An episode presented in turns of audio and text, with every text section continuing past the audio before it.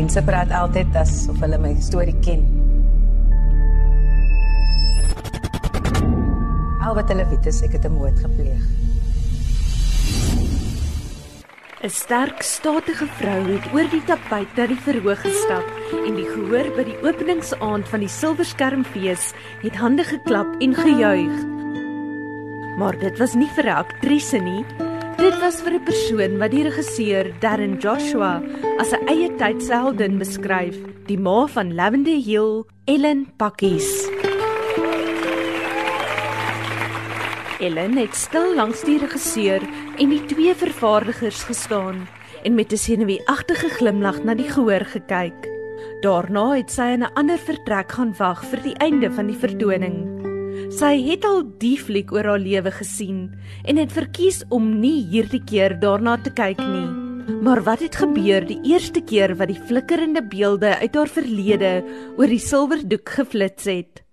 Vervaardiger Skalk Willem Burger vertel Dit was al vir ons die moeilikste ding toe ons vir haar die film die eerste keer gewys het. Dis een ding om 'n teks goed te keer. Dis die ander ding om die eindproduk te kyk. Dit was baie baie moeilike. Ek bedoel ek sal nie 'n fliek vir my eie wil kyk nie. Nee, ek het nie naaste by deur die goed gegaan wat sy gegaan het nie. Vir hom te sit na daai 2 ure na daai film te kyk. Dit was regtig nie 'n maklike, maar ek was nog nooit so verlig in my lewe toe ons daar klaar was en sy het self gesit by my en Paul en 'n koppie koffie gedrink en dis sê sy net vir ons, weet jy, baie dankie dat ons haar storie en Abby se storie we, we honored it op daai punt kan ek eintlik my omgee of enigiemand anders dink is 'n goeie fliek of 'n slegte fliek. Die feit dat sy gelukkig was met hoe ons hulle storie vertel het, dit was biggest stamp of approval.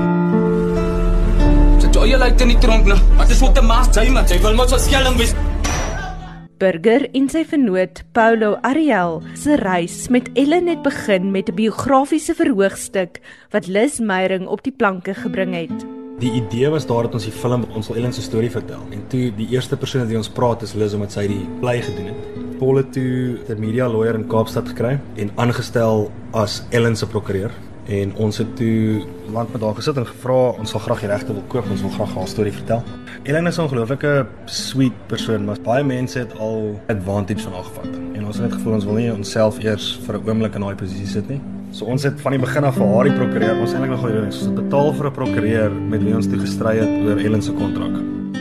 En toe begin die kreatiewe proses met verskeie rolspelers wat 'n insaag gelewer het.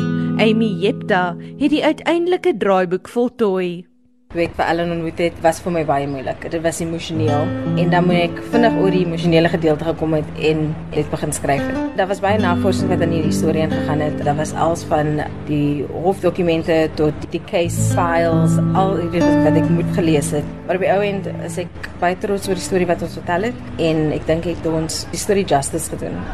Daar is genoeg evidence om die saak vorentoe te vat. Wat anders het jou nodig? Sy Die eindresultaat is 'n rolprent wat al deur internasionale kritici as 'n kragtoer beskryf is, met veral die toneelspel en komponis Koen Libbe se klankbaan wat volgens kenners elke emosionele noot tref.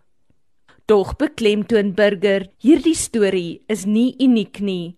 So hartseer of so mens is wat dit klink. Ellen het haar seun doodgemaak, maar anders is dit is sy een van honderde, duisende maas op die flats wie deur presies dieselfde ding gaan. Dieselfde struggles, dieselfde probleme wat hulle probeer oplos. Ons het dit eerstens gesien, daar was saam met Ellen se 6 woonstelle en uit die 5 ander was daar 4. Letterlik 80% van die mense in wie se huis ons inloop om te skiet, sit of heiliglik met 'n kind wat 'n verslaafde is of met 'n man, ouer, oom of 'n neefie, iemand in hulle gesin wat sit met dieselfde issue. Hy's of 'n tikkop of hy's verslaaf aan Mandrax. Dit het my hart gebreek want sê so of ons dink Ellen se storie is hierdie en in 'n mate met die film word dit al hanteer as hierdie ongelooflike unieke want dit is 'n unieke storie. Maar dis 'n probleem waarmee ongelooflik baie mense struggle. Dis 'n kolossale probleem in ons land en dit word net al hoe groter.